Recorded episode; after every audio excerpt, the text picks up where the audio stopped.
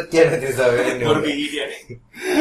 මගේ කතා කරේ ඇත්ත දෙන වැඩසටහනට සාදරයෙන් මම සාදරයෙන් පිළිගන්නවා. පිළිගන්නවා. අ, මම කාලිංග. මම හර්ෂ.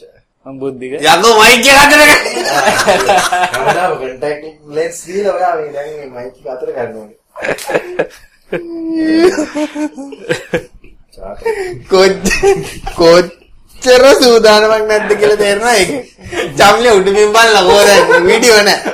වීඩියෝ නෑ වීඩියෝත් නෑ. හරි දැන් වීඩියෝ කියන්න ඕනේ.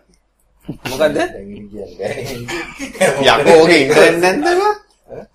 යකෝ මේ මෙටෙක් කතා කරන්න ඇසි මූ ඇබ් බහන්න අපෙන් පාසට් දිලනවා. බෑ මම සතියතර මාරු ගන්න ඕනේ. මොකටද මට පාසට් ආ පටන් ගන්න කියන්නේ. බුද්ධික මාරු කරා. හරිනේ බුද්ධික මම බුද්ධික කියන එක නෑ දැක්කේ නෑ. දැක්ක දැක්ක මේ නිවුස් මොනවාද මේ දවස්වල ලොකු නිවුස් එකක් කියලා දෙයක් තියෙනවා. නිවුස් නෑ නිවුස් නෑ දන්නේ ඉන්ස්ටාග්‍රෑම් එකේ වීඩියෝ අද්ද බයික නිවුස්. ඔය ඉන්ස්ටාග්‍රෑම් වල වීඩියෝ තියෙනවා තප්පර කියන්න පුළුවන් නේ. ඉතින් අර වයින් එක වයින් එකම කොපි කරලා ඒක ඔබලා. ඔව් නේ.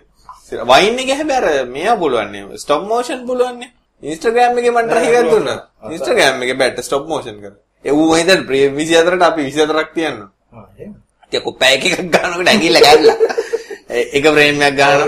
එකක් ගන්නවා. එකක් ගන්නවා. එතකොට තප්පරයක්කට 24යිනේ. විනාඩියක වීඩියෝ එකක් ගන්න ගියොත් මොකද ඇඟිලි කැඩිලා. ඒකනේ වයින් එක එහෙම නැහැ. වයින් එක ටටටක් ගාලා යනවනේ.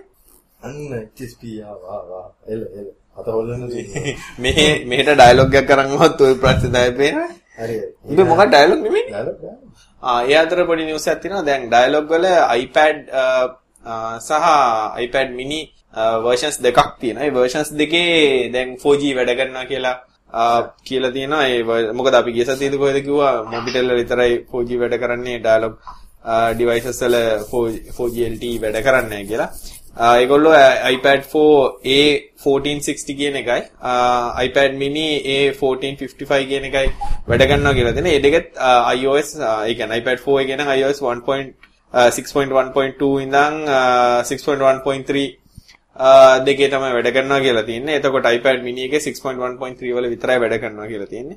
අ, එහෙනම් අ, එතකොට iPad තියෙන කට්ටියට අ, LTE පාවිච්චි කරන්න පුළුවන් ඩයලොග් කනෙක්ෂන් එකක් තියෙනවා. හැබැයි ගිහිල්ලා ඇක්ටිව් කරලා වෙනම SIM එකක් ගන්නත් ඕනේ. ඊට අමතරව විශේෂ නිවුස් එකක් කියලා මම නම් ඉතින් ඇත්තටම නිවුස් එකක් නෑ අර මෙගා අප්ලෝඩ් සර්වර්ස් ඔක්කොම කළා.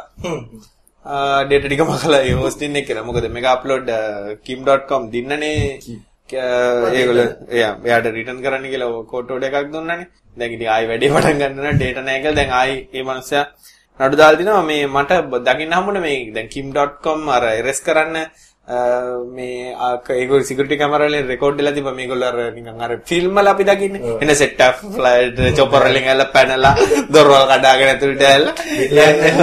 බෙල්ලාඩින් ඇල්ලුවාගේ දැන් kim.com වල මූ අර අර අර බාත්රූම් එකෙත් බාත්රූම් එකෙත් දැනගෙන මොකෙන්ද වගේ ඉන්නවට තමයි ඌවත් අඩංගුවට ගත්තේ. ඒකේ ඒගොල්ලන්ටත් කොහොම හරි නිව්සීලන්ඩ් වලනේ ඇමරිකාවට කඩේ ගියා කියලා හරි ඒකටත් පොඩි බකට් එකක් ඇදගෙන යනවා මේ දවස්වල. ඒ කියන්නේ වොරන්ට් එකට වඩා පිටින් මේ මනසට වර වද දුන්නා කියලා. මොකද කාස් ඉඳන් අරන් යන උගි දින අර. කාර් ඉඳන් අරන් යනවා මේ ඩිටේන් කරන්න. ඊට පස්සේ Samsung සමාගමේ Apple සමාගමේ ජපානයේ තියෙන ගිය නඩුවකින් Apple සමාගම දීලා තිනවා.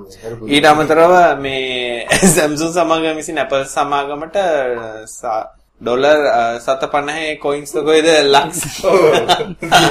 මිලියන එක කොයින්ස්. ලොරි තුනකට පාතරකට ගිහලා බාලා තින Apple එකේ. ඕන දෙයක් කරගන්න.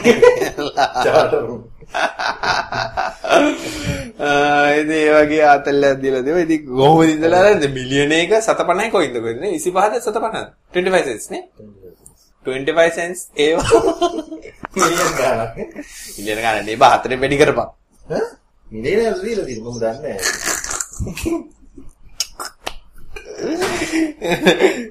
සත සත දෙක ඩොලර් එකකට සත 25 හතරයි තියෙන්නේ. ඒ වුණා මම රුපියලට විතරයි කියලා. ඒක මිලියන බලන්න ඩොලර් එකකට මිලියන හතර. හරි ඉතින් මා මට නම් හිතාගන්න බෑ තාම ගයින්වත් දන්නේ නැහැ. හරි ඉතින් ගල්ල බලන්නත් මිලියනක් දුන්නා නෑ කියන්නේ. සතපනේ කෝ කිංග සතිසි පාක් වැට්ටොත් එහෙම මල්ලෙකු. ටීම් කුක් තාම ගයින්වලු. මේ තව තියෙනවා මේ Samsung Galaxy NX කැමරා ඔව්. එකක් ඇවිල්ලා DSLR එකක් හ්ම්. Android තියෙන. DSLR කැමරා එක පළවෙනි Android සම සමන. අනේ මම මොනවා කරන්න දැන් මේ ඉන්නේ. හරි ඉන්ස්ටාග්‍රෑම් එකක් දාන්න ඕන. කෙලින්ම ඇප් එකෙන් එඩිට් කරලා ඒ වගේ කිසි වැඩක් ඇති මම. කිසිම තේරුමක් නැහැ නේ. Uh, ඊට පස්සේ හැමදාම වගේ Apple මොනා රිලීස් කරද්දී මම කර ප්‍රශ්නක් දෙනවා. ඒක නිසා දැන් අලුත් uh, අලුත් Apple ලගේ uh, ඒ කියන්නේ ඊට 2.11 AC වල Wi-Fi issue එකක් තියෙනවලු MacBook එක ඇස්වල. හැමදාම මාක් කර ගියත් නැද්ද එක්ක බැටරිය අවු එක්ක Wi-Fi අවු. ඒ රිලීස් එක දැම්මොත් ඔයගේ ආලයක් වෙනවා. ඊට පස්සේ මේ Microsoft ලා මේ පාර දැන් අර සාමාන්‍ය Chrome Firefox වගේ වණි කියන්නේ අපේ browser එක hack කරොත් එහෙනම් අපි මිලියනයක් දෙනවා මිලියන දෙකක් දෙනවා. හර්ෂක මයික් එක ඔප්ලු නෑ නේ ඔන්නේ. කෑ ගහලා කතා කරන්න ඕනේ.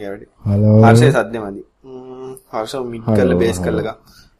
කොහොම හරි මේ ඉතින් Microsoft ඒගොල්ලෝ කියලා තියෙනවා මේ ඇත්තටම මේ ඇත්තටම ඩොලර් ලක්ෂයක් ඩොලර් ලක්ෂයක් දෙනවා කියලා තියෙනවා ඉන්ටර්නෙට් එක්ස්ප්ලෝරර් 11 වල බග්ස් සිකියුරිටි එකක් හොයලා දුන්නා.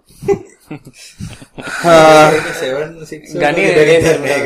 ඈ කවුරු හරි ගණිතයක් ගාලා මේමයි. දාන්නත් කලින් බග් ඒ කියන්නේ අයි එක ගිහිල්ලා මේක කියනකොට තුන හතරක් කිව්වම අර පරිණිමය ගුණා නේද හොයන්න දෙයක්වත් නැහැ. අයි 10 වල බග්ස් ටික කිව්වනම් 10ක් කිව්වනම් 9ක් තියෙනවා ගැරන්ටීඩ් අය අහන්න දෙයක්වත් නැහැ බලන්න දෙයක්වත් නැහැ. මේ ළඟදි මං කාට හරි කියලා මේ අයි පාවිච්චි කරන්නේ එපා කියලා මං අහන්නේ ඇයි කියලා. මං කොහොමද උත්තර දෙන්නේ? මට පැය 3-4ක් තිබ්බද? එතන මේ මනුස්සයාට වාඩිලා කතා කරන්නේ.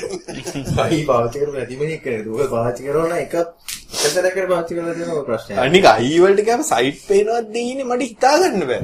ගියොත් සයිට් එකේ ලේඅවුට් අවුට් නේ නේ. දැන් ටකස් එකට ගියොත් දැන් බලන්න.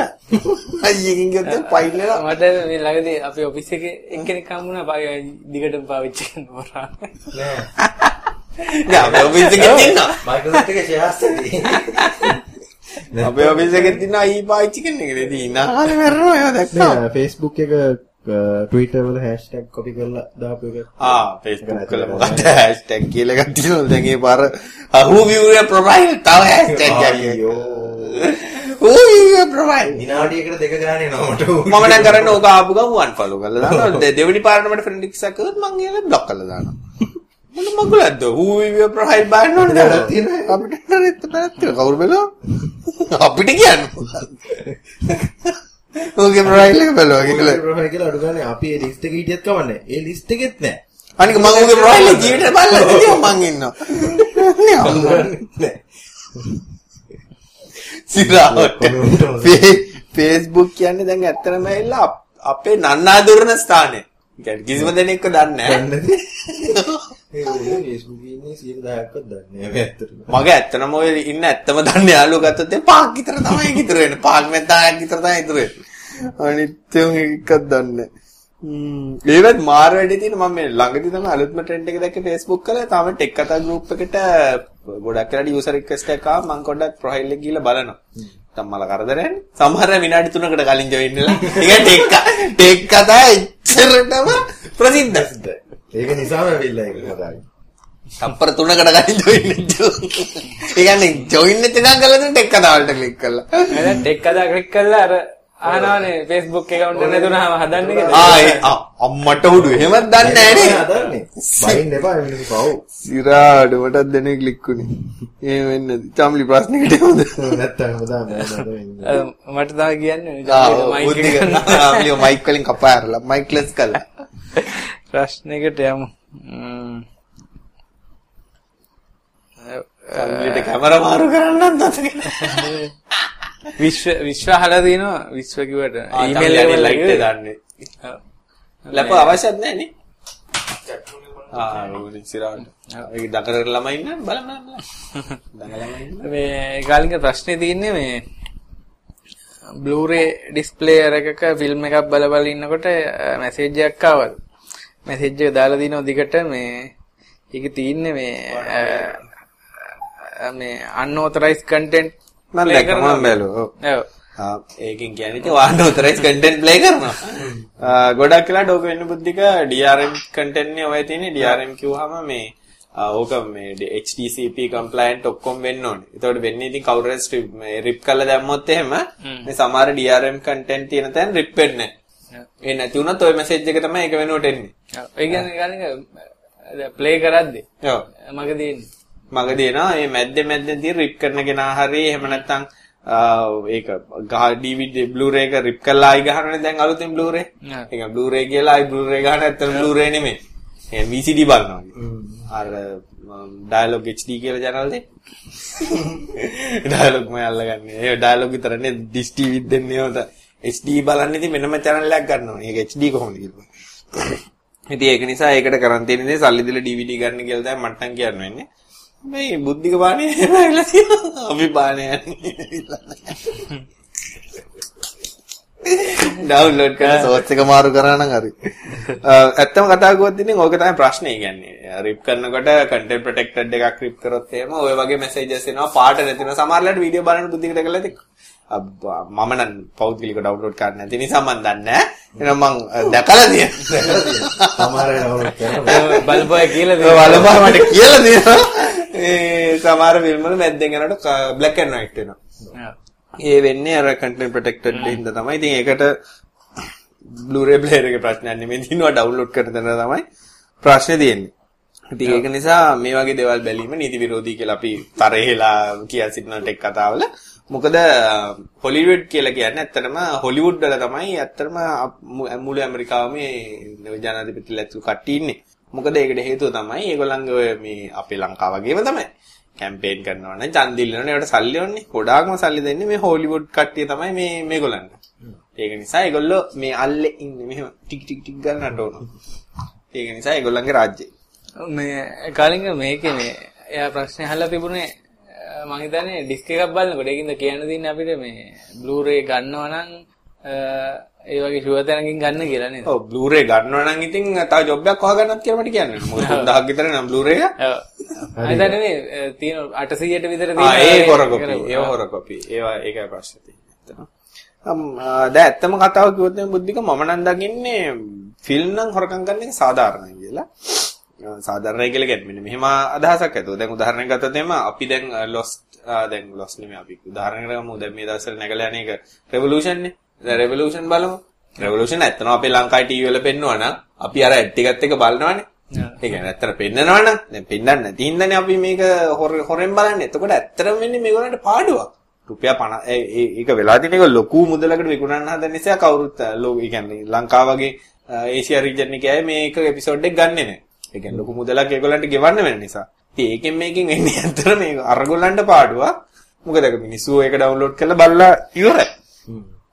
ඉතින් දැන් අපි උනත් මම උනත් Hulu බලන එක ඇත්තම කතාව කිව්වොත් එහෙම දැන් මම සල්ලි ගෙවලනේ බලන්නේ. ඕක ඉතින් ඇත්තම අපිට සල්ලි ගෙවලා රුපියල් 800ක් ගෙවලා කවුද බුද්ධික කැමති? දැන් මම රුපියල් 800ක් ඩොලර් 7යිනේ ගෙවන්න ඕනේ. ඩොලර් 7යි Hulu Plus එකක් ගත්තොත් ගෙවන්න ඕනේ. ලංකාවට ඕක ලව් කරලා තිබ්බනම් ඉතින් මිනිස්සු. බලනවා. මේකේ වරදක් මම නම් දකින්නේ. ඉතින් මේ ඇයි ඒක ලව් කරන්නේ නැති? ඉතින් එහෙම ලව් නොකර නිසා හොරංගල් බැලුවට කමක් බලනවා මේ අනිත් එක මේ ISP ලටත් හොඳයි මොකද කට්ටිය පැකේජ් අප්ග්‍රේඩ් කරගන්න ඉඩ තියෙනවා ඔව් පැකේජ් අප්ග්‍රේඩ් කරන්න ඉඩ දෙනවා නැත්නම් අපේ අනිත් ISP ලා YouTube කෑව වගේ ඒකටත් කැෂ් සර්වර් දාගන්න පුළුවන්. ඒකට ඒක බල ඉන්නවනේ මිනිස්සු. තණ්ඩේට අයිතන. ඒගොල්ලෝ නවත්තලා දානවා. ඇත්තටම YouTube ප්‍රශ්නේ බුද්ධිකට නෑ දා මට නා මේ එඩිසන් ඇත්තටම ටිකක් අඩුයි. හැබැයි HTTPS දැම්මම නම් ගොඩක් ඔය බහරනේ අඩු වෙලා යනවා. ඒක තමයි ප්‍රශ්නේ.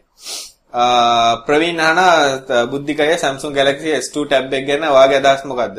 user friendlyද කියලා. මම ඉතින් අදහස් කිව්වනේ. Galaxy Tab 2 නේ ඔව් හොඳයි හැබැයි Tab 3 එකක් දැන් ඇවිල්ලා තින්නේ ගන්නවා නම් ඒකක් ගත්තා නම් හරි ඇනවුස් කරලා තින්නේ මේ මාසේ අන්තිම ඔව් ලබන මාසේ මුල වගේ ඒ මන් දැන ගණන් දාලා නැහැ තාම ආ රයිට්.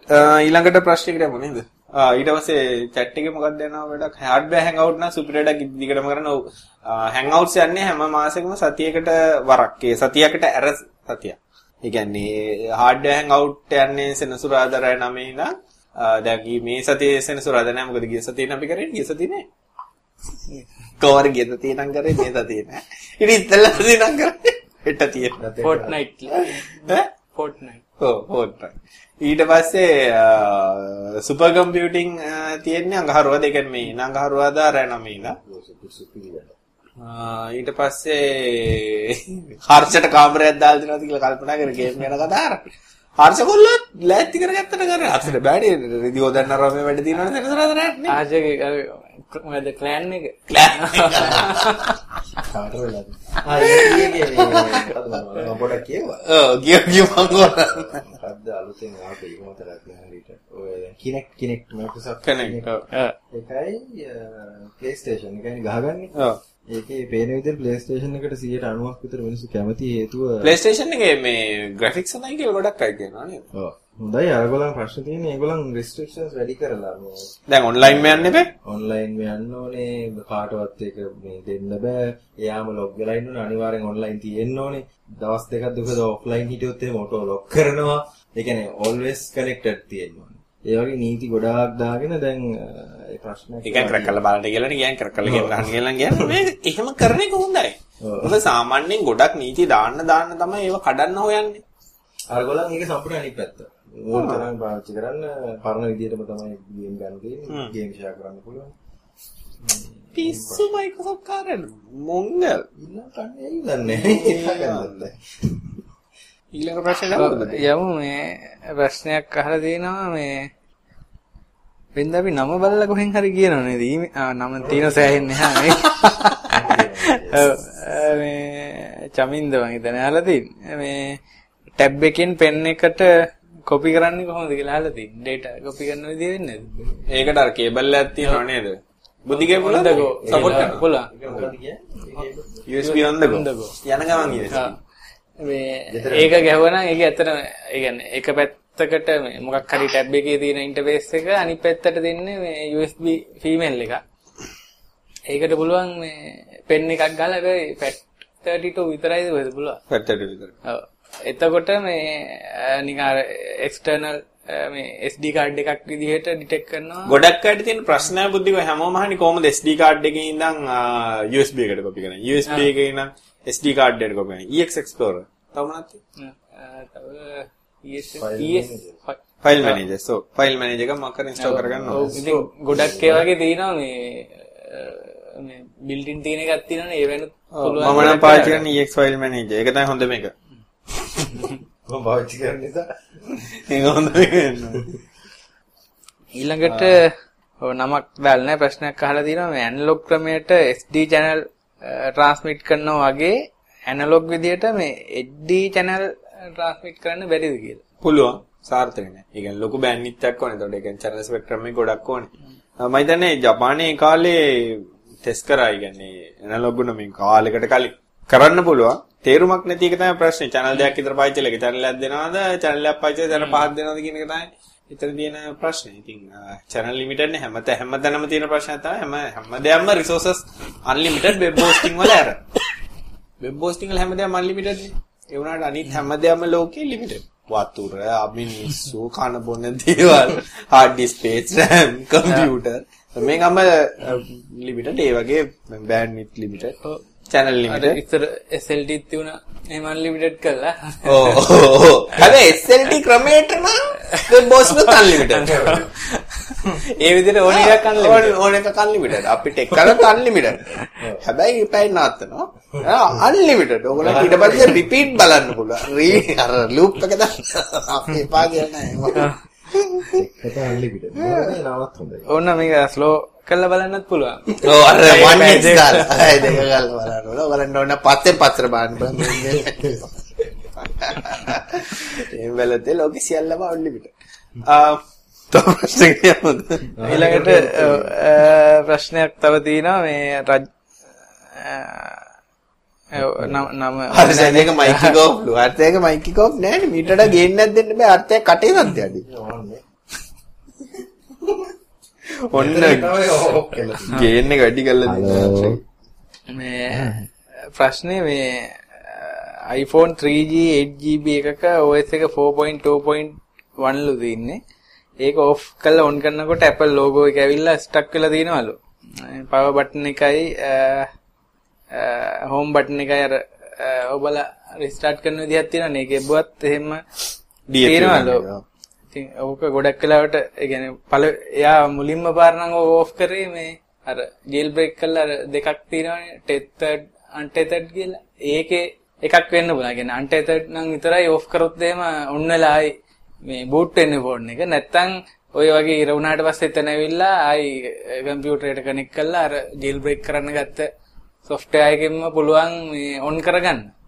ඒකත් වෙන්න පුළුවන්. ඒ කියන්නේ ඒක එකක් වෙන්න පුළුවන්. එයා අලුතෙන් ගත්ත එකක් නම් මුලම පාර ඔෆ් කරන කරාම ඕක වුණා නා. එහෙම නැත්තම් මේ වෙන්න පුළුවන් එකක් තමයි එයා රීසෙට් කරන්න ගිහිල්ලා හරි මොකක් හරි කරොත් එහෙම ජේල් බ්‍රේක් කරපු එකක් ඒත් ඔය වැඩේම වෙනවා. මේ ඒකින්ද ඒ කියන්නේ ඒක අන්ලොක් එකක් නෙමෙයි මම හිතන්නේ අන්ලොක් නෙමෙයි 3G එකක් නේ කියන්නේ වෙක්ටර් අන්ලොක් එකක් නෙමෙයි ෂුවර් එකටම ඕක ජේල් බ්‍රේක් කරපු එකක් වෙන්නේ නැති මේ පොඩ්ඩක් try කරලා බලන්න මොකෙන්ද ජේල් බ්‍රේක් කරේ කියලා ඒ software එකකින් පුළුවන් ඒ on කරගන්න.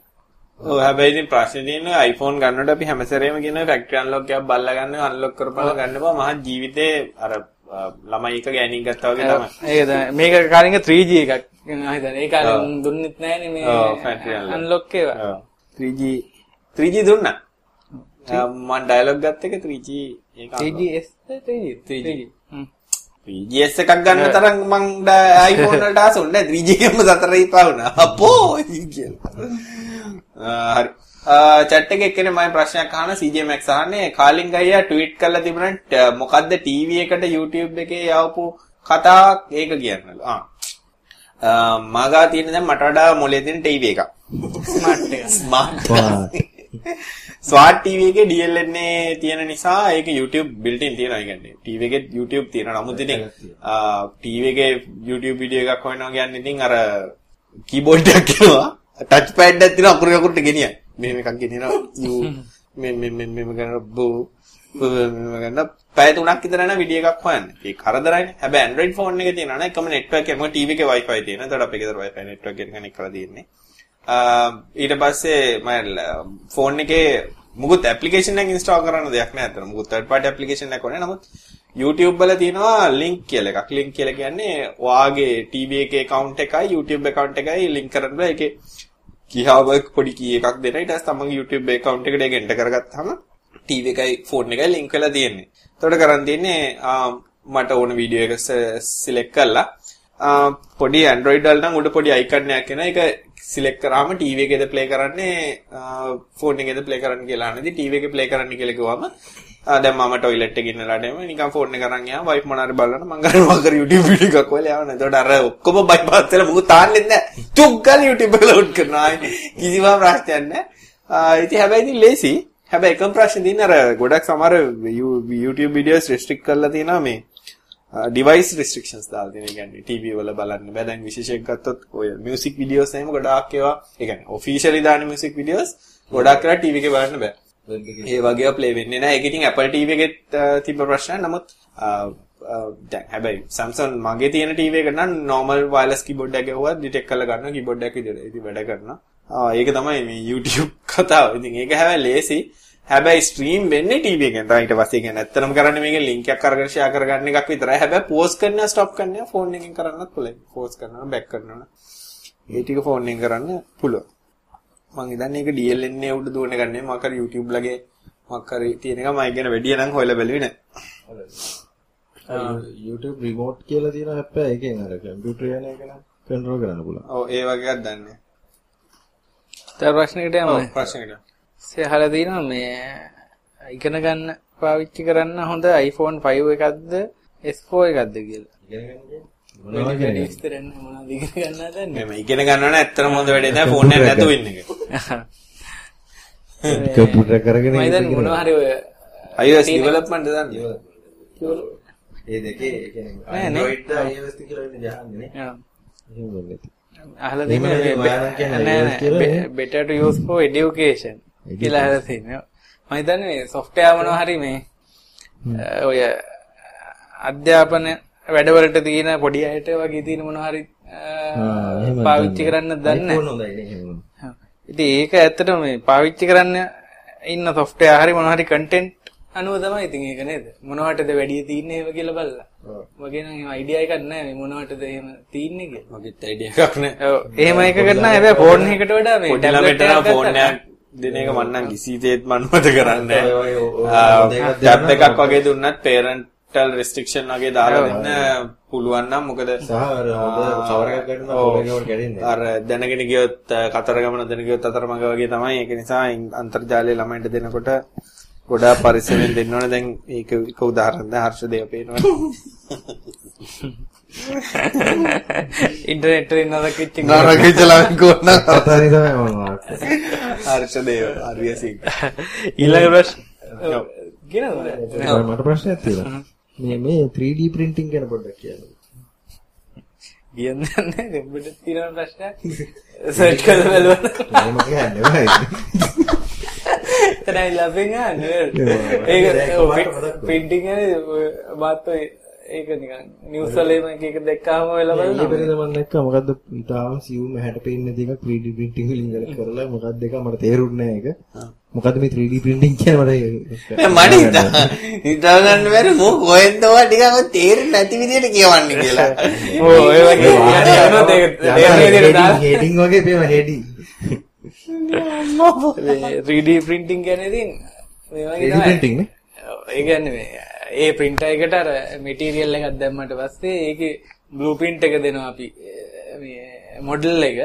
ඒ විදිහට මේ අර material එක යා කොලේක print කරන වෙනුවට අරක මේ 3D model එක හදලා දෙනවා ඒකේ. තේරුන්නේ හර්ෂට තේරුන්නේ නැහැ. පොඩ්ඩක් ඉන්න ඔබට 3D printer එකක් පෙන්නන්න. ඒ කියන්නේ 3D printer ඇත්තටම වෙන්නේ අපි හිතමු 3D printer එක එක જાතියව තියෙනවා. දැන් සාමාන්‍යයෙන් මේක මේක බොට් එහෙම ගත්තොත් එහෙම මේකේ තියෙන ඇත්තටම අපි ABS ප්ලාස්ටික් එකක් ඉන්සර්ට් කරනකොට ඒකේ නොසල් එකක් තියෙනවා. ඒකේ මේ වගේ ප්ල- තැටියක් තියෙනවා කියලා හිතමු යට. ඊට පස්සේ මෙහෙම නොසල් එකක් තියෙනවා. ඒක 2 axis වලට move වෙන. ඒ කියන්නේ මෙහෙම මෙහෙම යනවා. මෙහෙම මෙහෙම යනවා. මේක මෙහෙම මෙහෙම යනවා. යට ප්ලේට් එක. එතකොට දැන් උදාහරණයක් ගමු මට හර්ෂයාගේ මූණ අඳින්න ඕන මූණ හර්ෂයාගේ පෙට්ටියක් හදන්න ඕනේ කියලා හිතමු. දැන් පෙට්ටියක් හදන්න ඕන නම් මම ඉස්සෙල්ලාම කරන්නේ පෙට්ටිය යට ගෑ යට පියන හදන්න එපා. එතකොට මම කරන්නේ අර ගුණ උනා මේ මේ මේ මේ මේ ලයින් වගේ උණු කරලා දානවා. ඊට පස්සේ පෙට්ටිය වටේ අඳින්න එපා. එතකොට කරන්නේ ඉජ්ජක දිගේ මෙහෙ මෙහෙම පොඩ පොඩ ඉස්සි ඉස්සි ප්ලාස්ටික් වක් කරගෙන යනවා. ඊට පස්සේ ඉතින් ආයෙ උඩ කෑල්ල හදන්න ඕන. ආයෙ මෙහෙම මෙහෙම මෙහෙම මෙහෙම යනවා. දැන් ප්ලාස්ටික් උඩ වගේ හදන්න මැද හිස්නේ. ඉතින් ඒ වගේ වෙලාවට ඉතින් ගොඩක් වෙලාවට මේ වගේ ප්‍රොජෙක්ට් 3D printing fail වෙනවා. මොකද අර අර කරත් වෙලා වැක්කෙන ඉඳන් මේ මැද වෙලා යනවා. ඉතින් ගොඩක් සමහර ඒවා print කරන්න බෑ. එතකොට කරන්නේ එහෙමනම් පෙට්ටිය මැදත් එක්ක තමයි print කරන්න හතරස් පෙට්ටියක් හදනවා. ඒ කියන්නේ මැද හිස් පෙට්ටියක් හදන්න බෑ. ආ දැන් හිතයි 3D printer එකක් කරන්නේ නැහැ නේ පෙට්ටියක් හදාගන්න බැරි නම්. පෙට්ටියක් හදාගන්න ඕන කරන්න පියන් හතර print කරන්න ඕන. පියන් හතර print කරලා හතර අලෝ ගන්න. ඒ වගේ තමයි ඉතින් සරලව මේ තව මැටීරියල් තියෙනව නේද? ඔය- ඔව්, ඒ කියන්නේ මම මේක උදාහරණයක් දුන්නේ. සමහර ඒවා තියෙනවා මැටීරියල් එක දානවා. මොකක් හරි මේ නිකන් කුට්ටියක් වගේ තියෙනවා. ඒක ෂේප් එකට ඔව්. නීඩල් එකකින් ඒක. කියන්නේ CNC කියලා. CNC වලින් කරන්නේ ඇත්තටම යකඩ කුට්ටියක් තියෙනවා. ඒකෙන් කරන්නේ අර අනවශ්‍ය ටික කපල කපල කපල කපල ඇරලා ඔය ඇලොයි වීල් එහෙම වාහන වලත් CNC කරලා හදන්න පුළුවන් ඔන් ඩිසයින් හදන පිටරට. සමහරවිට පැය 20 30 40 යනවා එක වීල් එකක් මේ CNC වෙලා එන්න. ඕවගේ වට ඇත්තටම කිට්ස් ගන්න පුළුවන්. දැන් මේක බොට් තමයි මම දැන් 3D printing වලට දැන් තියෙන famous මේක කිට් එකක් ගෙනල්ලා හදා ගන්න පුළුවන්. දැන් මේ ළඟදී මේ අර පිස්තෝලයක් print කරලා වැඩ කරා කියලා වැඩ කරා කියලා දැන් මේ මම දැන් NASA එකෙන් ෆන් කරලා තිබ්බ ලොකු ගාණක් පීසා printer එකක් හදා. ඒ කියන්නේ පීසා එකක් print කරනවා. ඊට ලාභ නැති කෝකි එකක් ගත්තා. නැත්නම් පීසාට් එක නම්බර් එක දුන්නා. මේ කලින් හැබැයි දැන් ටික ටික මේ 3D printing මේ අර domestic ලෙවල් එකට අවිල්ලා. නේද? ඔව් දැන් මම හිතන්නේ දැන් ගොඩාක්ම හොඳ ලෙවල් එකේ printers දැන් පෙට්ටිය හදන්න බෑනේ මං කියපු printer එකේ. නමුත් සමහර printers තියෙනවා ඒක ඇත්තටම කරන්නේ materials දෙකක් තියෙනවා. එකක් තමයි dust එකක් වගේ material එකක්. holes තියෙන තැන් ඒක වෙන nozzle එකකින් fill කරන dust එකකින්.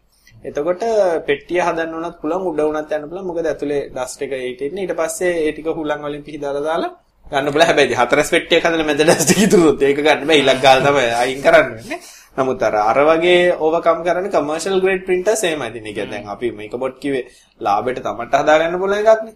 නමුත් අර වගේ printers වල අර වගේ dust එකක් වැටලා තමයි එන්නේ. ඒවා ඉතින් printer එක හොඳ වෙන හොඳ වෙන තමයි ගොඩාක් ෆයින් වෙන්නේ. මම දන්නේ ඉතින් මොරටු කැම්පස් එකේ හැම 3D printer එකක් තියෙනවා. මම එක මොකක් හරි මොකක් හරි ගිය වෙලාවක ආරංචි වුණා. ඒගොල්ලෝ නම් ප්‍රොටෝටයිපින් වලට අවුට්සෝස් කරන එක පිටට දෙනවා පොඩි ගාණක් ගෙවුවා තමන්ට මොන හරි ප්‍රොටෝටයිප් මොඩල් එකක් හදා ගන්න ඕන print කරලා හදා ගන්න පුළුවන්. ඊළඟ ප්‍රශ්නෙට යමුනේ. ඔව්.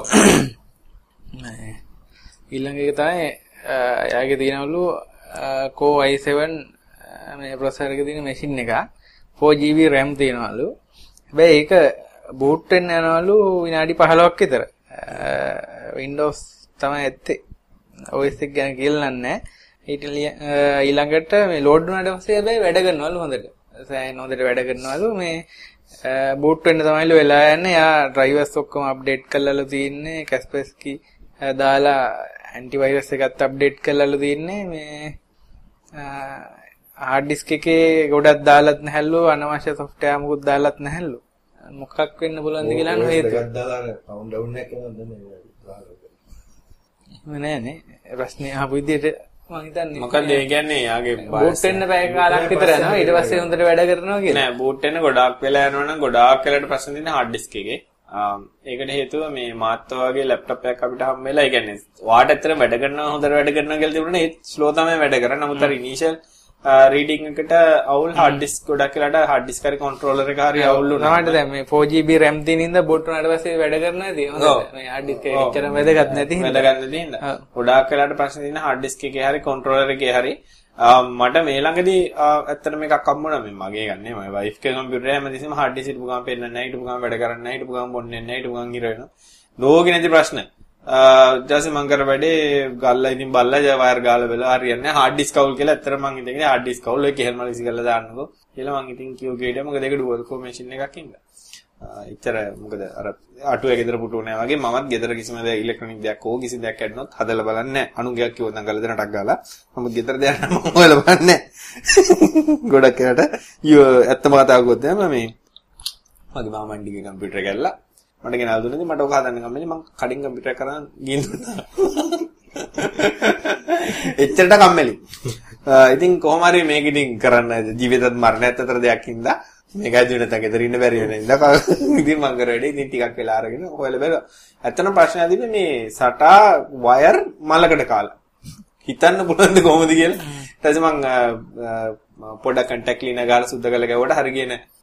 ඊට පස්සේ අලුත් වයර් ටිකක් ගෙන. ඇත්තටම මදර් බෝඩ් එකේවත් hard disk එක පැත්තේවත් කනෙක්ටර් මුකුත්ම වෙලා නැහැ. නමුත් කේබල් වල ඇතුළ ඔක්සයිඩ් වෙලා.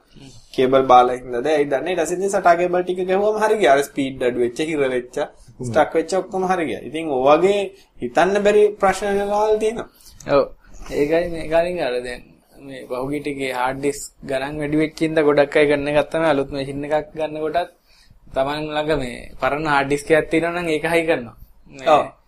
ඒ ඉඳා මේ අපි දන්නේ මේ මැෂින් එක කොහොමද කියලා පොඩ්ඩක් එහෙම පරණ hard disk එකක් වගේ දැම්මනම් ඒකත් බලන්න මේ hard disk එකේ වෙන්න පුළුවන් ප්‍රශ්නේ ඔව් තියෙනවා. මොකද ඔයිට කල්ලොත් මට ලැප්ටොප් එකක් හම්බෙලා මුදිට මුදික දන්නේ නැතිනේ. ඔව්. මුදිට ලැප්ටොප් එකක් ගෙනල්ලා ඒක මාර්ස්ලෝ.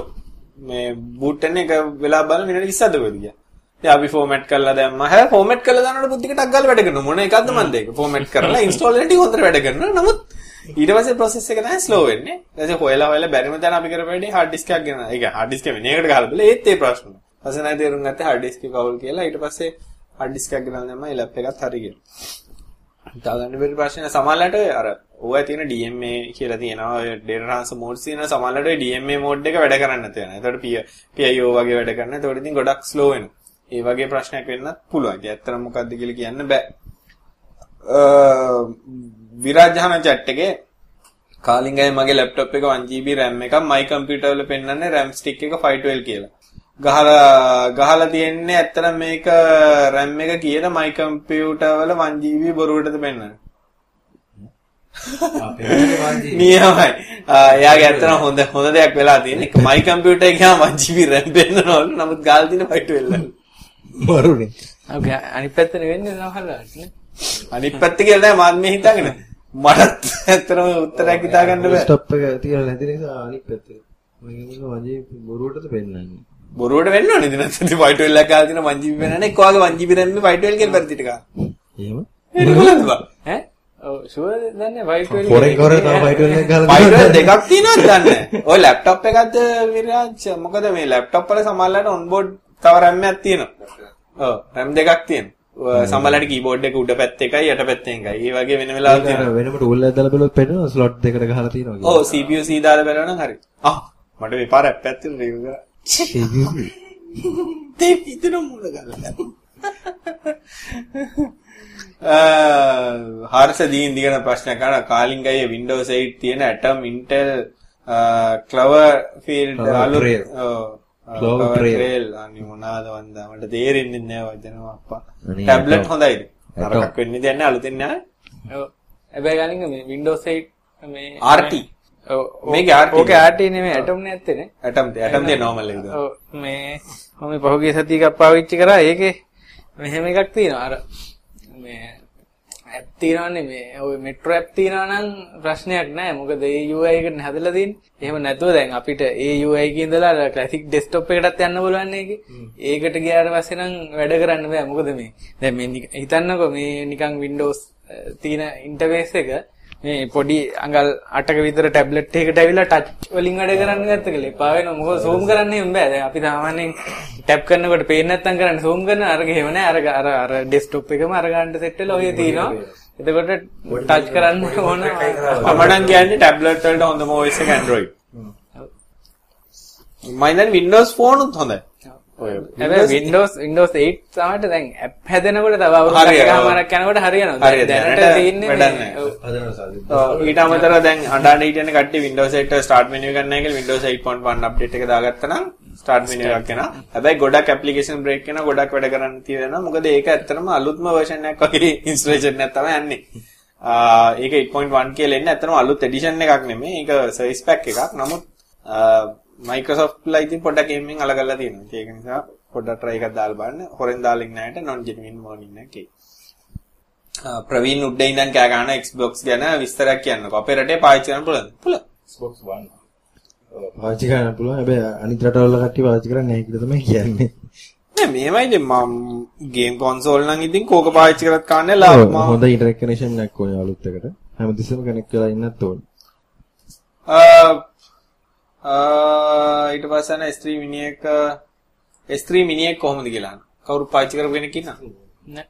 S3 එක වගේම තමයිනේ. මිනි ඊට පොඩි ඊට පොඩි. අර iPhone 5 එකයි 4 එකයි කොහොමද කියලා ඇහුවාගෙන 5 එකයි 5.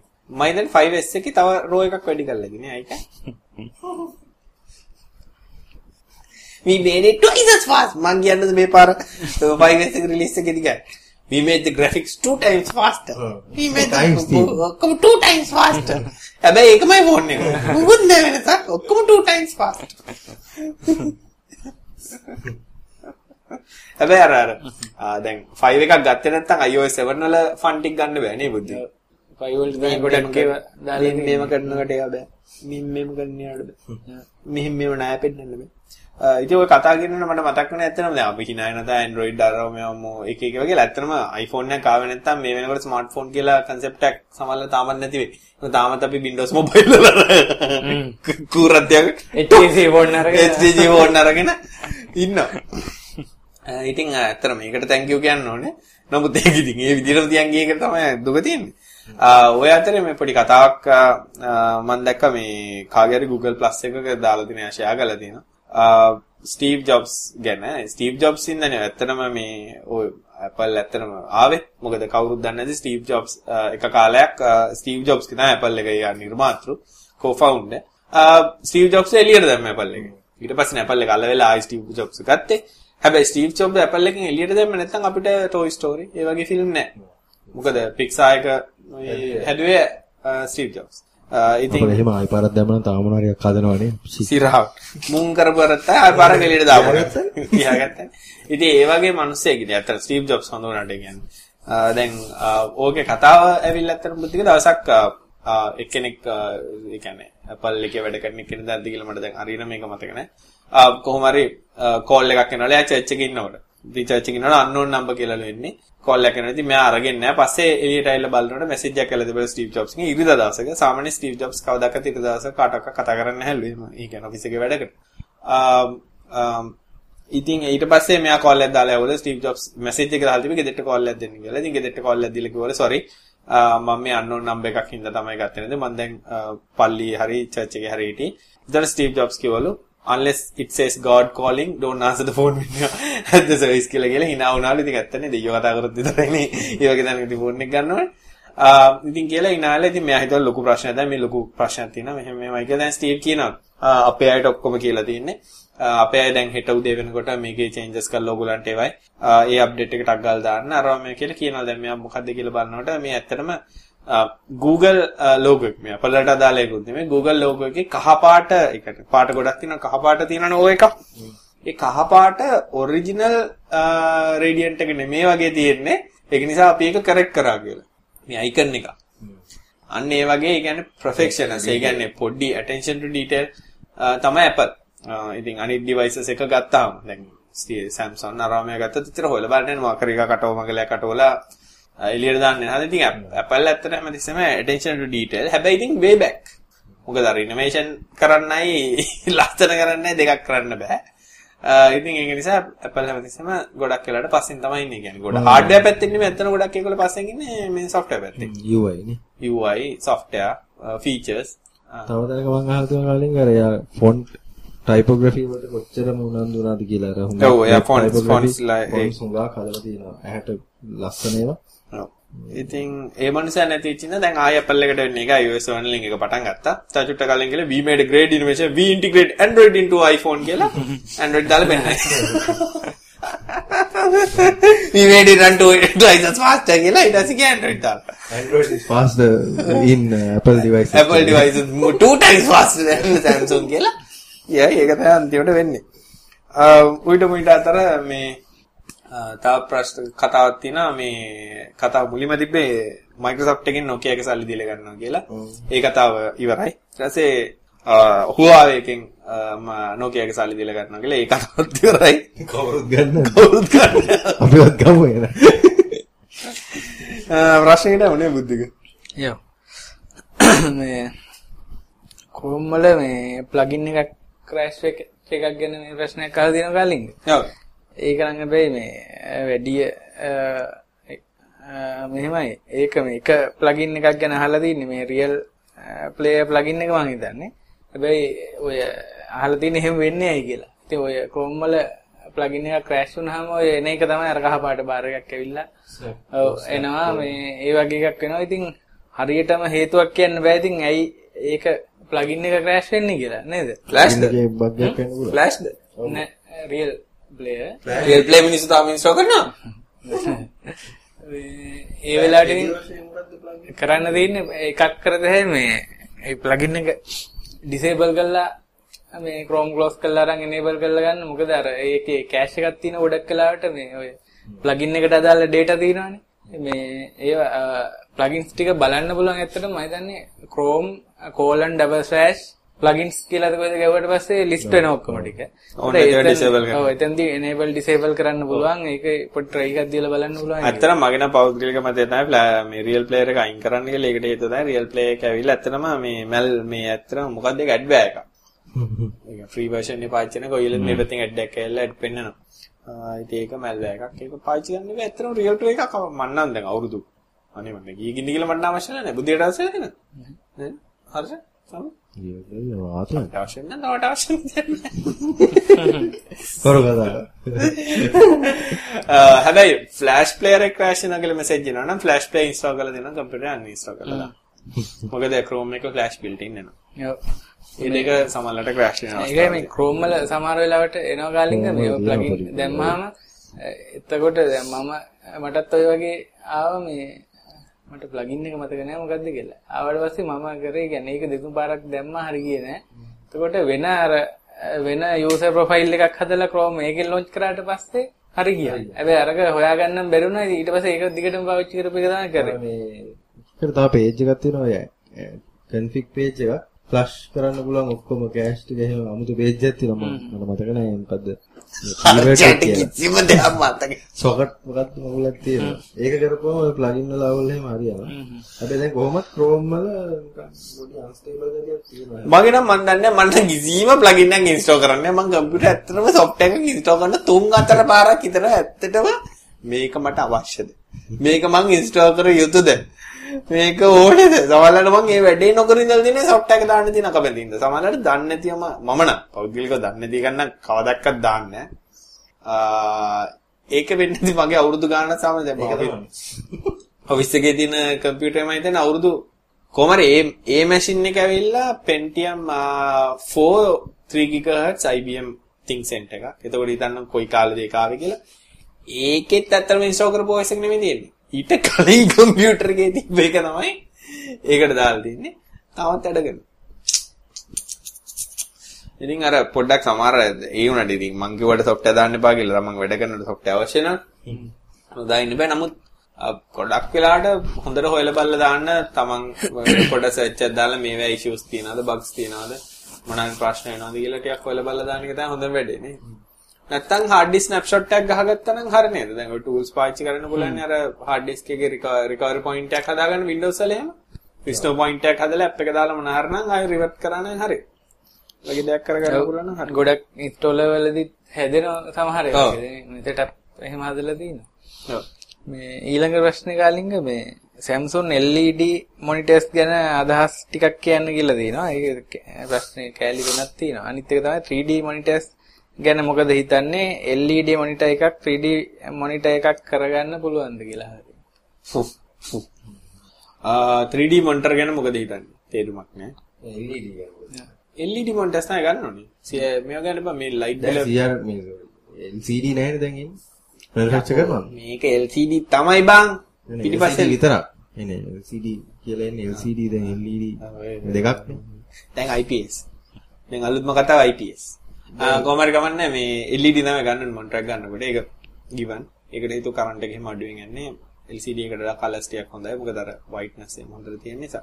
3D මොනිටර් එකක් ගන්න එක මෙහෙමත් එකක් තියෙනවා. සමහර වෙලාවට අර ගොඩාක් දවසම වගේ ඉන්නවා නම් මේ ඒ කියන්නේ අඩු කරගෙන වැඩ කරනවා නම් හොඳයි. මොකද brightness වැඩි ඒකේ ඒකේ වෙනසක් තියෙනවා නේද? අනිවාර්යෙන්. ඒ කියන්නේ මේ LED එකක් පාවිච්චි කරලා මොකක් කරත් අර මේ හෙන්න නිකන් vivid colors පේන. කඩෙන් ගෙනාවු වගේ තියෙන්න දාගන්නවා TV එකක් ගෙනාවත් තියෙන්නේ බුදුහම්ම ඇස් නිකන් අර කරලා යන පුළුවන් තරම් brightness අඩු කරලා තමයි මන්ට brightness අඩු කරලා කියන්නේ පේන්න තියෙන අඩු. තමන්ගේ ඇහැට comfortable level එකකට අඩු කරගන්න. පොඩක් net එකේ search කරලා බලන්න ගොඩක් වෙලාට mod එකට ප්‍රසිද්ධ model එකක් නා calibrated settings කියලා තියෙනවා. Calibrated settings කියලා search කරලා බලන්න. එතකොට professionally calibrated monitor එකකට ඔයාගේ monitor එකේ සාමාන්‍ය brightness contrast color saturation ඒවා කොතන set කරන්න ඕනි කියලා ගොඩක් වෙලාවට ලියලා තියෙනවා. ඉතින් ඒ settings ටික දාගත්තොත් ගොඩක් වෙලාවට හොඳයි. TV එකක් ගත්තත් ඒ දෙකේම කරලා බලන්න. TV එකේ model එකට search කරලා බලන්න calibrated settings කියලා. එතකොට uh, 100%ක් සාර්ථක නෑ මේ setting එක. මොකද එක එක හදන හදන monitor එකේ environment එක display එකේ තියෙන වෙනස්කම් ඉලෙක්ට්‍රොනික්ස් වල තියෙන වෙනස්කම් නිසා පොඩි පොඩි වෙනස්කම් තියෙනවා නමුත් තියනට වඩා 80ක් 90ක් හොඳ වෙනවා ඒක නිසා ඒක අනිවාර්යෙන් කරන්න 3D monitor එක නම් 3D games ගහන්නේ නැත්නම් 3D monitor එක නම් ගන්න එක මම නම් දන්නේ නැහැ කිසිම වැඩක් ඇති වැඩක් හැටියට දැන් කාලින්ග මේ මෙයා අර අහලා තියෙන LED එකක් පුළුවන් ද 3D කරගන්න කියලා. බෑ LED එක 3D කරගන්න බෑ හැබැයි අර කොළ පාටයි රතු පාටයි. කන්නඩි දාලා නම් පුළුවන් BG card වල options තියෙනවනේ මේ අ, 3D කරලා content ගන්න පුළුවන් කියලා. එහෙමනම් පුළුවන් ඉතින් පාට දෙකේ කන්නඩි දාගෙන බලන්න නේ. පත්තරයක් ගත්තා නම් ලක්බීමද කොහෙද? ඒකත් එක්ක කන්නඩියක් නොමිලේ නෝ. ඇඩ් ටික බලන්න 3D එක. Nation නේ. නේෂන් නේෂන් මොකක්ද ඒක? ආ ඒක නම් 3D නම් ඉතින් පොඩි මොනිටර් එක නම් ෆිල්ම් බලන ඇරෙන්න වැඩක් තියෙදි කියලා කියන අමාරු ගේමින් ගේමින් වලදී ඉතින් හොඳයි. ඒ පයින් ගැහුව හර්ෂ අනුග්‍රහය දෙවෙනි පාරට. උගේ අඬපොඩ පොඩ්ඩක් අවුල්. එක තැන ඉන්න බෑ. මොකද පණු බෙත් දීලා නැහැ සතේ තුලකින්.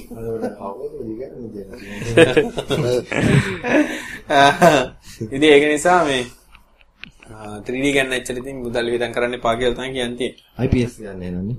ආ, මට ඒක ගණන් වෙයි. සතුටු ජායකම නිවුස් එක දැන් කියන්න ඕඩියෝ එක රෙකෝඩ් කරේ නැහැ. ෂා හරි. හරි සන්තෝෂයක් දැනෙනවා. පුදුම සතුටුයි. වීඩියෝ එකෙන් ගන්න තමයි වෙන්නේ නේද? නේම මොනවා වෙලාද කියලා අත නිදා ගන්නත් කොහොමද?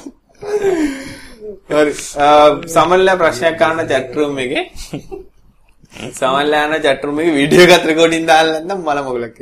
සමල්ලා යන chat එකේ HTTP access redirect කරන්නේ කොහොමද? CMS කරනකොට HTTP access redirect යොදාගන්නේ ඇයි PHP වලින් ලියපු URL access PHP යොදා මොස්කන කොහොමද?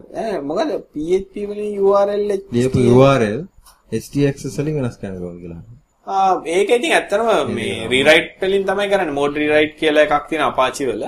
ඒ මෝඩ් රීරයිට් ඈ කතා කරා. මෝඩ් රීරයිට් ගැන කතා කරන්නේ. මෝඩ් රීරයිට් වලින් තමයි ඇත්තටම කරන්නේ. ඒක වාසිය තියෙන ඉතින් URL search engine friendly කරගන්න පුළුවන්. ඒ වගේ දේවල් වලට තමයි ඉතින් අර user friendly URLs දාගන්න. නැත්තම් නැත්තම් ඉතින් PHP question mark අරක equal මේක equal කියලා කිලෝමීටර් 3ක් විතර යන එකට වඩා ස්ලෑෂ් ටෙක් කතා වගේ එකක් එන එක ලේසි වෙන කරන තමයි URL rewrite එක කරන්නේ. ඉතින් ඒක ගොඩක් වෙලාට කරන්නේ hypothetical URL එක versus real URL එක මොකක්ද කියලා HTXS වලදී කියලා. ඉතින් mode rewrite condition condition wise උනා ලියන්න පුළුවන් මේ වගේ එකක් මේ වගේ කරන්න කියලා. ඉතින් ගොඩාක් මේකේ තියෙන වාසිය තමයි අර user friendly URL වෙන එකයි. ආ එහෙම නැත්නම් search engine ගොඩාක් පාවිච්චි කරන ඉතින් 99ක්ම පාවිච්චි කරන්නේ මේක search engine friendly කරන්න ඕන නිසා. ඉතින් ඒක Apache level එකේ කරන නිසා PHP වලින් අර header.rewrite ඒ වගේ header.rewrite කියන Java වලින් JSON මේ header.location වගේ පාවිච්චි කරලා ඉතින් වැඩක් නැහැ මොකද ඇත්තටම user ට පේන එක එකෙන් වෙනස් වෙන්නේ නැහැ වෙන තැනකට code දෙන හැරෙන්න. ඉතින් අර URL rewrite වලින් ඇත්තටම වෙන්නේ actual URL එක වෙනත් user friendly URL එකකට ඕක තමන් කැමති URL එකට මාරු කරගන්න එක. මේ තව ප්‍රශ්නයක් අහලා තිනවා. ඔව්. එයාගේ ඔෆිස් එකේ තියනවලු කම්පියුටර්ස් පහක් තියනවලු. එකක ඉන්ටර්නෙට් ඊමේල් තියනවලු අනිත් හතරට ගන්නේ කොහොමද කියලා. එකක තියනවලු මොකෙද? ඔෆිස් එකේ. නෑ මතේ. මොකෙන්ද ඉන්ටර්නෙට් තියෙන්නේ? ඒක විස්තරයක් කියලා නෑ. මම මම හිතන්නේ එක්ක මොඩම් එකක් හරි මේ ඩොංගල් එකක්ද දන්නෙත් නෑ. නැත්තම් මේ.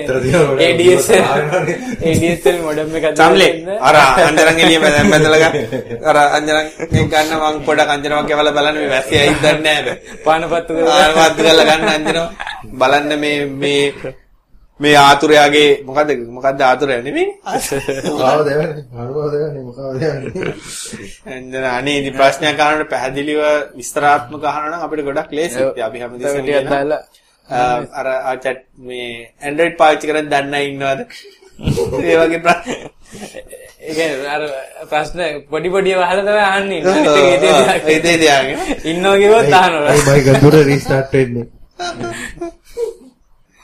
මං කියන්නේ තමන්ට ප්‍රශ්නයක් තියෙනවනම් තමන් ඒකට කාලය වැය කරලා ඒ ප්‍රශ්නේ පැහැදිලිව අහන්න බැරි නම් තමන්ගේ ප්‍රශ්නෙට උත්තර දෙන අපි හර්ෂ විශේෂයෙන් පත්තරත් කරගෙන මේ කකුල් දෙක එකට තියාගෙන ඉන්න බැරුව කැමරාවට පයින් ගගා. මයික් එක අතින් අල්ලගෙන. ඉන්නේ ඒක පොඩ පැහැදිලි අපිට ඒවත් උත්තර දෙන්න. ලේසියි ගොඩක් අය කියන අයි මගේ ප්‍රශ්නෙට උත්තර දුන්නේ නැද්ද? එක් කතාවකට මම ප්‍රශ්නේ දැම්ම උත්තර දුන්නා. ඉතින් ගොඩක් වෙලාට වෙලා තියෙන්නේ අර අංජනන් අරනකොට කුළු බඩු එයා මේවා ගේන්නේ නවා. ඉතින් ආ මෙතකොට කට්ටපු මංජල් අරවා මේ ඔක්කොම ගෙනලා මෙතන ගොක්කොලෝ චම්ලි ඇවිල්ලා එතකොට තුනට විතර ඇවිල්ලා ගොක්කොල මේවා කළා මෙතන පොඩි අට්ටාලේ ගහනවා. ඔව් ඊට පස්සේ දුම්මල ගෙනලා දුම්මල ගහලා ඒ ටික් කළා මේ හතර වටේ ආරක්ෂා කළා ඒ ටික් කරනකොට අපිට 12 විතර අපි පේ වෙන්නත් ඔව් ඊළඟ පේ වෙන්න ඕනේ දැන් මාළු කන්න බෑ. මස් මාළු කාලා නම් එළියට ගිහලා වමනේ දාලා ඉන්නවා. ඒ වගේ ප්‍රශ්න තියෙනදී ඒක අනික දැන් ඔක්කොම කරලා අංජනන් කතා කරන රූකින දැන් තුන් පාරක් ගින්නවා මන් නම් ආයි යන්න. නැත්නම් SAT ඩවුන් වෙලා තිබුණා තිබුණා. ඒක කරන්න බෑ ඒක වැඩේ. ඩයලොග් සිග්නලුත් නැති එකේ මොන යන්දරන්දනේ. ඊළඟට මේ තව ප්‍රශ්නයක් අහලා දෙනවා. ඒකෙත් විස්තරයක් එච්චර නෑ. Android මේ 2.3.6 4.1 වලට අප්ග්‍රේඩ් කරන්න පුළුවන්ද කියලා. පුළුවන්. පුළුවන්. ඩිවයිස්. මොකේද කරන්න ඕන කියලා දාලා නෑ. ඉතින් අපි කියන්නේ නැතේ හරියට උත්තරේ. කරපන්. අපිට දැන් ගහනද? දැන් ගාන වෙලාවට මල බයිනව වන්නම් ඇයිදකෝ. කරන් කියලා. හර්ෂ කොල්ලෙටි කියලා කමෙන්ට් එකක් දාලා දෙක හර්ෂට එක. කියන්නේ. අපිට ගන්න බෑ. හර්ෂට විලු ගන්න එපා කියලා දුට විලු පාස්ට් එකට වීල් කරලා එන ප්‍රශ්නයක් උනේ ආ අපිට. ඕ පාම්පුසිරා මේ කතා කරන්නේ තවත්. ලැජ්ජයි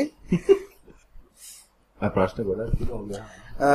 පරිගණකේ ෆොයිල් වගේක් මම එක ෆෝල්ඩරේට ආ මේ මේ නිසා නිෂ්ෆර්ද කොයි දහන chat එකේ යා පරිගණකයේ ෆයිල් වගේක් ෆොයින ෆෝල්ඩරේට කොපි කරලා සතියකට ඉස්සෙල්ලා ඊයේ බලනකොට ෆෝල්ඩර් ඇතුලේ තියෙන ෆයිල් වල නම් නිල් පාටට පේනවා. ඒ ඇයි කියලා. ඒ ෆයිල් වල හානියක් වෙනවද? ඔය නිල් පාටට පේන්නේ NTFS encrypted වුණාම නේද? කම්ප්‍රෙස් හරි කම්ප්‍රෙස් වුණා. කරුවා රයිට් ක්ලික් කරලා අර ටික් එක ඔව් දාලා කම්ප්‍රෙස් කරන්න කියලා. කම්ප්‍රෙස් this drive කියලා ඒක Right click කරලා click. ඒ ෆයිල් ෆෝල්ඩර් එකට right click කරලා හරි ෆයිල් එකට right click කරලා හරි properties වලට කියලා ඒක කම්ප්‍රෙස් කියලා option එකක් තියෙන ඒක අයින් කරා නම් හරි. ඒකට කොළ පාටද? පාස්ට් එකක් නැහැ. ඔව්. ගකරේ දෙකෙන් එකක් ඔව්. චාම රහන ප්‍රශ්නයක් මම නම් මේක ගැන දන්නේ නැහැ. HTML5 වල H group tag එකේ H group specification වලින් remove කරලා මොකද කියලා. මම ඔබට කිව්වා remove කරන්න එපා කියලා. ඇයි ඔය remove කරන්නේ? අපි බයිනනේ රිමූව් කරලා. මම W3 උන්ට මචං ඊයේ දවස හොඳටම බැන්න. ඔය එක එක remove කරන්න බෑ.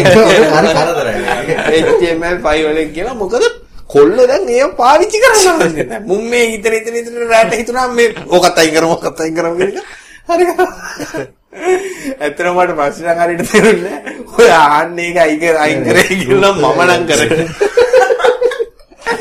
අන්න කිසිම සම්බන්ධිකුත් ඔබට. අපිව අල්ලගන්න එපා. අනේ මම මෙයා අයින් කළා මෙයා. අපිව නම් අල්ලගන්න එපා. මේ තව ප්‍රශ්නයක් තියෙනවා මේ Windows 7 මොකද මේ අයින් කරේ කියලා. ලු තියෙන්නේ. මේ එයාගේ .NET framework එක 4 ලු තියෙන්නේ. ඔව්. එයා 4.5 වලට අප්ඩේට් කරන්න ඕනද කියලා අහනවා. මේ ඉතින් ඌමනාවක් තියෙනව නම් තමයි කරන්න. ඕනේ.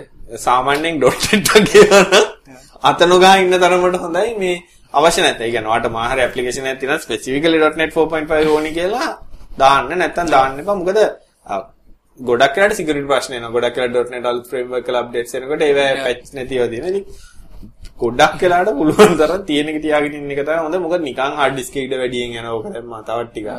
ඒකයි මෙයා මේ ඩෙවලොප් කරන කෙනෙක් නම් ඒත් ඒ ටිකම තමයි. ඒ කියන්නේ 4.0 වලින් වැඩ කරගෙන යන්න පුළුවන් නම් ඒකේ තියෙන ෆීචර්ස් ඇතිනම් මේ දාන්න එකේ තේරුමක් නැහැ. හැබැයි ඉතින් අර අ, මේ SDK එකේ latest APIs එක වැඩ කරන්න එහෙම ඕනනම් මාරු කරගත්තට කමන්නේ.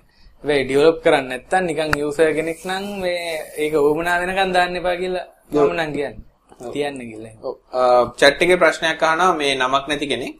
මගේ ලැප්ටොප් එකේ USB 3 port දෙකක් තියෙනවා. ඒකේ වැඩ කරන්නේ එකයිලු. drivers install කරන්න හරියන්නේ නැහැ. අනිත් port එක වැඩ කර අ, අනිත් port එක වැඩ කරනවා. මේක මොකද ක- වෙලා තියෙන්නේ? අ, අ, හරියටම කියන්න අමාරුයි. අ, ගොඩක් වෙලාවට සමහරවිට ඒ port එක physical damage එකක් වෙලා වෙන්නත් පුළුවන්. ඒතකොට වැඩ නොකරන්නේ. ආ එහෙම නැත්නම් අ, සමහර අවස්ථාවල් තියෙනවා ඔයා වැරදි driver එකක් මාකරේ install වෙලා ඒ වගේ දෙයක් වෙලා. එහෙම නැත්නම් USB mo- port යන protected mode වලට. අවක හොඳම වැඩේ තමයි device manager එකට ගිහිල්ලා බැලුවනම් device වල status කොහොමද පෙන්වන්නේ කියලා ඒක check කරන්න පුළුවන්. නැත්නම් BIOS වලින් සමහරලාට disable enable කරන්න පුළුවන් USB port සමහර අවස්ථාවන්දී ඒක 99.9ක් වෙලාට එහෙම බෑ. ගොඩක් සමහර යපුර USB port enable disable කරන සමහරලාට ආ, USB පෝට් එකේ පෙනී සිටින සටා පෝට් තියෙනවා. ඒ කියන්නේ ඊසටා. ඔය ඒ වගේ එකක් USB එකේ හිතාගෙන ගහනවා නම් ලොකු ප්‍රශ්නයක්. ඒක බලන්න ඒක ඇත්තටම USB පෝට් එකක්ද කියලා. මොකද අමාරු අර HDMI එකටත් ගන්න යනවා. ඒ නිසා ඒක බලන්න මම හිතන්නේ ආඩ වැරදිලාද කියලා. නමුත් එහෙම වැරදිලා නම් පොඩ්ඩක් ඒක ගැන ආ, හිතලා බලන්න. මේ තව කාලින් අහලා තිනවා මේ ප්‍රශ්නයක් එයා මේ කොරියාවල ඉන්නේ. එහෙ කට්ටිය ගොඩක් Samsung ලැප්ටොප් තමයිලු ගන්නෙ. හොඳයිද කියලා අහනවා. අනිත් එක මේ Samsung අ, වලට වඩා හොඳ බ්‍රෑන්ඩ් එකක් තියෙනවද නැත්නම් අපි බ්‍රෑන්ඩ් නිව් එකක් ගනිද්දී ඔරිජිනල් OS CD එක දෙනවද කියලා අහනවා. Samsung ඉතින් වරදක් නැහැ. ඉතින් කොරියාවේ නම් ඉන්නේ රටේ සමාගමක්. ඉතින් රටේ ඉතින් මිනිස්සු ගන්නවා කියන්නේ හොඳ ඇති ඉතින්. ඇත්තටම. Samsung ප්‍රශ්නයක් නැහැ Samsung ඉලෙක්ට්‍රොනික වලින් ගත්තොත් අනිත් හැමෝට වඩා ගොඩක් ඉදිරියෙන් ඉන්නේනේ. එහෙම වරදක් කියන්න අමාරුයි. මොකද මේ අර Chromebook එහෙම ල තමයි ඉස්සරහින් ඉන්නේ. ඉන්නේ. එයාගේ අනිත් ප්‍රශ්නෙට උත්තරේ මේ මොකක්ද හෙල් බුද්ධිකයා මේ OS එක OS එක කියලා? ගොඩක් වෙලාට දැන් කම්පියුටර්ස් එක CD එකක් දෙන්නේ නැහැ. තමන් පළවෙනි පාර බූට් කරාට පස්සේ recovery CD set එකක් හදා ගන්න ඕනේ. අනිවාර්යෙන් කරන්න. ඒක කරේ නැත්නම් පස්සට පසුදැවෙන්නේ මොකක් හරි වෙලා hard disk එක මාරු කරන්න ඕනේ. මොකද recovery partition එක තියෙන්නේ hard disk එකේමයි. Disk එකේ physical damage එකක් වුණොත් එහෙම ඔයාලට සල්ලි ගන්න තර සමහරවිට මේ CD එක manufacturer එකකින් ඉල්ලගන්න. ඒක නිසා මොකද අර සීරියල් එක වැඩ කරන්නේ නැතුව යනවා මේ. අනිත් ඒවාත් එක්ක නිකන් මේ හොර හොර සීරීස් එක ගන්න. ආ ඉතින් ඒක නිසා වරදක් නම් මම නම් දකින්නේ. ඉතින් Samsung laptop එක ගත්තා. මගේ මම හිතන්නේ දැන් මගේ LG laptop එකක් තියෙනවා. කවුරුත් හිතුවද මේක වැඩ කරේ? දැන් මම හිතන්නේ අවුරුදු. මම මේසෙටත් අල්ලලා නැහැ. දාලා අල්ලලා තාමත් වැඩ කරන ඩිස්ප්ලේ එකක් කඩලා අරන්. දැන් අවුරුදු මම හිතන්නේ මේ ලැප් එක අරන් මම බ්ලොග් එක බලන බලා ගන්න පුළුවන් කොච්චර කාලෙද? පහක් විතර ඇති පහක් වගේ විතර. දැන්. උඹට මතක ඉන්නේ? මේකත් ගත්තේ අර මම ගන්න එපා කියන කඩින්. ඒක කොමන්ට් එක කාලේ back in the days. CJ Max අන TDL එකක DNS දානවා වගේ sub domain වලට වෙන වෙනම DNS record දාන්න පුළුවන්. පුළුවන්. තමන්ගේ sub domain එකට තවත් වෙනත් DNS servers වලට අර point කරන්න හැකියාවක් තියෙනවා. DNS control වලට තියෙනවා. නම් ඒ type එක දැන් උදාහරණයකට GoDaddy වල domain එක register කරලා GoDaddy DNS වල sub domain හදලා ඔයාලට වෙන DNS වලට ගොඩක් වෙලාවට point කරන්න GoDaddy මම හිතන්නේ NS කියන record type එක දෙන්නේ නැහැ domain එකට add කරා. ඒක ගන්නකොට choose කරන්න බෑනේ වෙන- වෙනම account එකක් ගන්න ඕනේ. DNS support කරන්න. ඔව්. මයිටි එකේ කියන කොරියාවල් නම් Samsung Max කියලා. ලංකාවට නෝ දේශගුණය. දේශු. කොරියාව ගොම මට ඇත්තටම ඉඳා කිය බුද්ධික සාමාන්‍ය විතර කියන්නේ. අඩ උඹ කොරියාවද ඉන්නේ කියලා චාර් ලෙවල් එකේ දාලා දැන් කොරියාවට ගිය කාලයක් බලපන් දැන් කොරියාවද ඉන්නේ නැව තෝ කියනනේ තන්නේ කො- දැන් දැන් ලංකාවේ දින්න කියලා දැන් ලංකාවේ ඉන්නේ ඒ කොරියාවෙන් එම අහනවා. කොරියාව උඹ ලංකාවේද ඊළඟට මේ ප්‍රශ්නයක් අහලා තියෙන කාලින්ගේ යාගේ මේ පෙන් ඩ්‍රයිව් එකක් තියෙනවලු. ඒක ඩේටා ට්‍රාන්ස්ෆර් ස්පීඩ් එකත් හොඳයි කියලා තියෙනවා. හැබැයි ඒක අන්ප්ලග් කරලා වෙන එකක ගහනකොට අර කියනවලු ෆෝමැට් කරන්න කියලා අහනවලු. ඒකලු තියෙන ප්‍රශ්නේ. මේ ඊට පස්සේ PC එක රීස්ටාර්ට් කරලා පෙන් එක අන්ප්ලග් කරලා ආයි ප්ලග් කරත් ඒත් එහෙම කියලා ඇහුවලු. ඊට පස්සේ ඩේටාත් ලොස් වෙලාලු. මේ මැනුෆැක්චරර් නම් නැහැලු. මොකද්ද කියලා. ඒක හැබැයි පෙන් එක එයා කියලා දිනන අර එන. ඈ?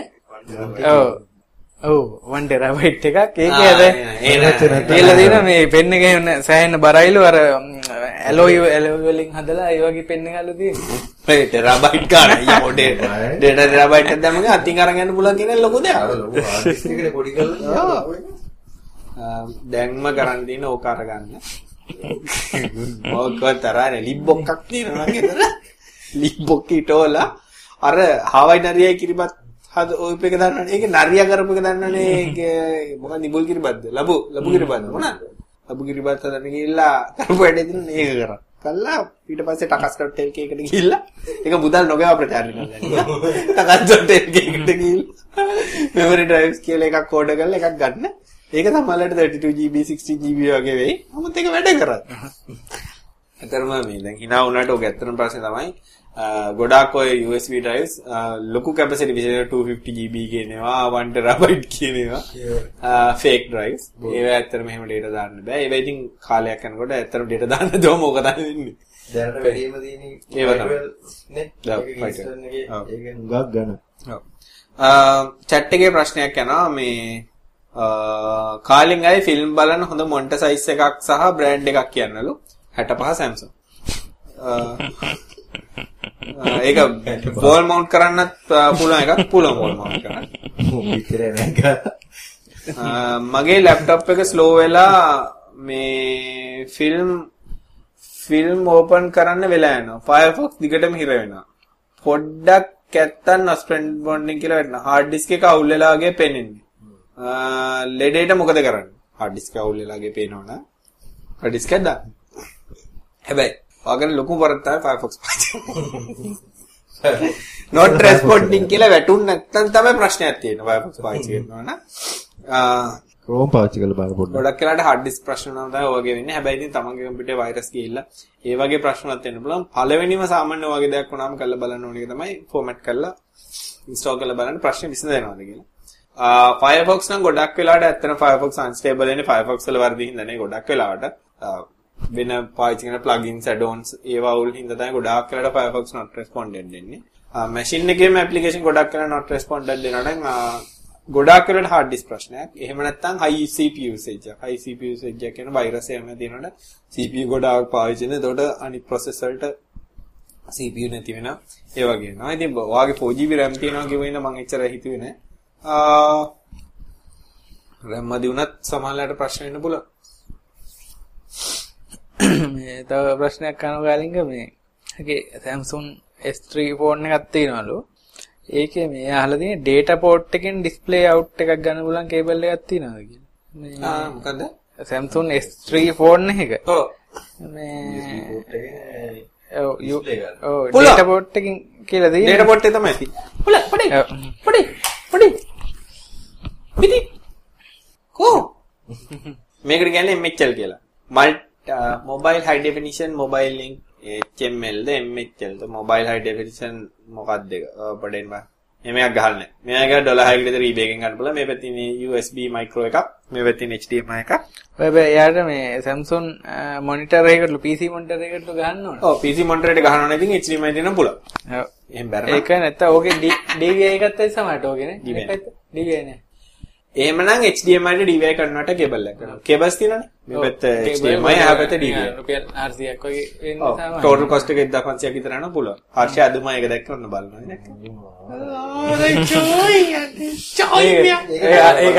යන්න. ඒකට වැඩ මේ කරන්නේ. කොම්පෝඩ් 12ක් දීලා බලන්න. හතක් දීපන්. ඕක මං නැතු ඉන්නවට කාලේ දුන්නේ RDU එකට එකතු කරගන්න. බලයන් ආ සිර අඩේ ගලාව නෑ නෑ නෑ එක. ඒක. ඊළඟට මේ අහලා තිනවා ඩයලොග් බ්‍රෝඩ්බෑන්ඩ් මේ ෆික්ස් ඩයලොග් බ්‍රෝඩ්බෑන්ඩ් එක WiMAX එකක් කොහමද Wi-Fi පාවිච්චි කරන්න හදාගන්නේ? ඒකේ තම්ලි මට යා ගොඩාක් රවුටර්ස් විස්තරවල තිබ්බා ඩයලොග් WiMAX එකක් නම් තියෙනවා DSL ගනේ රවුටර් එකක් ගන්න. ADSL නෙමෙයි DSL රවුටර් එකක් ගන්න. ඒකේ තියෙන්නේ ෆෝන් ලයින් එකක් ගන්න පෝට් එකක් කියන්නේ RJ11 එක වෙනකොට normal network port එකක් කියන්නේ WAN කියලා. පළවෙනි උපදෙස් දෙන්නම් eBay රවුටර් ගන්න එපා. මොන ඇයි එහෙම කරන්නේ? warranty කිසි දෙයක් නැතුව රවුටර් එකක් ගන්න ඇයි එකේ? මොකර කන්නොත් ඉතින් ඒක ලිබ් බොක්කට දාලා අර නරිය කරපෙඩ කරන්න ඉන්නේ ඒකට වඩා හොඳයි. රවුටර් සාමාන්‍ය රුපියල් 5000ට අඩුවෙන් තියෙනවනේ. 2500 3000 විතර රවුටර් එකක් ගන්න. ආ, ඒක නිසා ලංකාවේ දැන රවුටර් එකක් ගන්න takas.lk එකට ගියා නම් සුමානයක් දෙයක් කරනකොට ඒගොල්ලෝ රවුටර් එකක් ගෙන්න ගන්න පුළුවන් තමන් කැමති එකක් ඕන. ඒ කියන්නේ මම කියන්නේ ඔයාලට takas එකේ නැති රවුටර් එකක් නේ ඒගොල්ලෝ මෙල්ල ගියොත් ඒගොල්ලෝ හොයලා කියන ඒව නැත්නම් Unity Plaza පැත්තේ පොඩ්ඩක් ගියා නම් එක කරගිලා D-Link එකක් වගේ ගන්න debug ලගේ warranty එකක් එක ගන්න පුළුවන්. නැත්නම් ඔය ගොඩක් ඒවා තියෙන ඉතින් ඒ වගේ එකක් ගන්න. කිසි ප්‍රශ්නයක් නැහැ. DSL තමයි අවශ්‍ය. DSL නම් කිසි ප්‍රශ්නයක් නැහැ. ඒකේ වගේ ඩයලොග් එකේ WiMAX එකේ username password එතන DSL username password වලට දැම්මම connection type එක PPOE කියලා හැදුවා නම් බඩ වැඩ. කිසිම කරදරයක් නැතුව පාවිච්චි කරන්න පුළුවන්. ආ වෙලා මැල්ල. ඔව්. නා අපි යනවා. විනාඩි 10ක් වැඩි වෙනවද කියලා. දැන් ඒක ඔඩියෝ එකෙත් නැති. සිරාවට් 41ක්.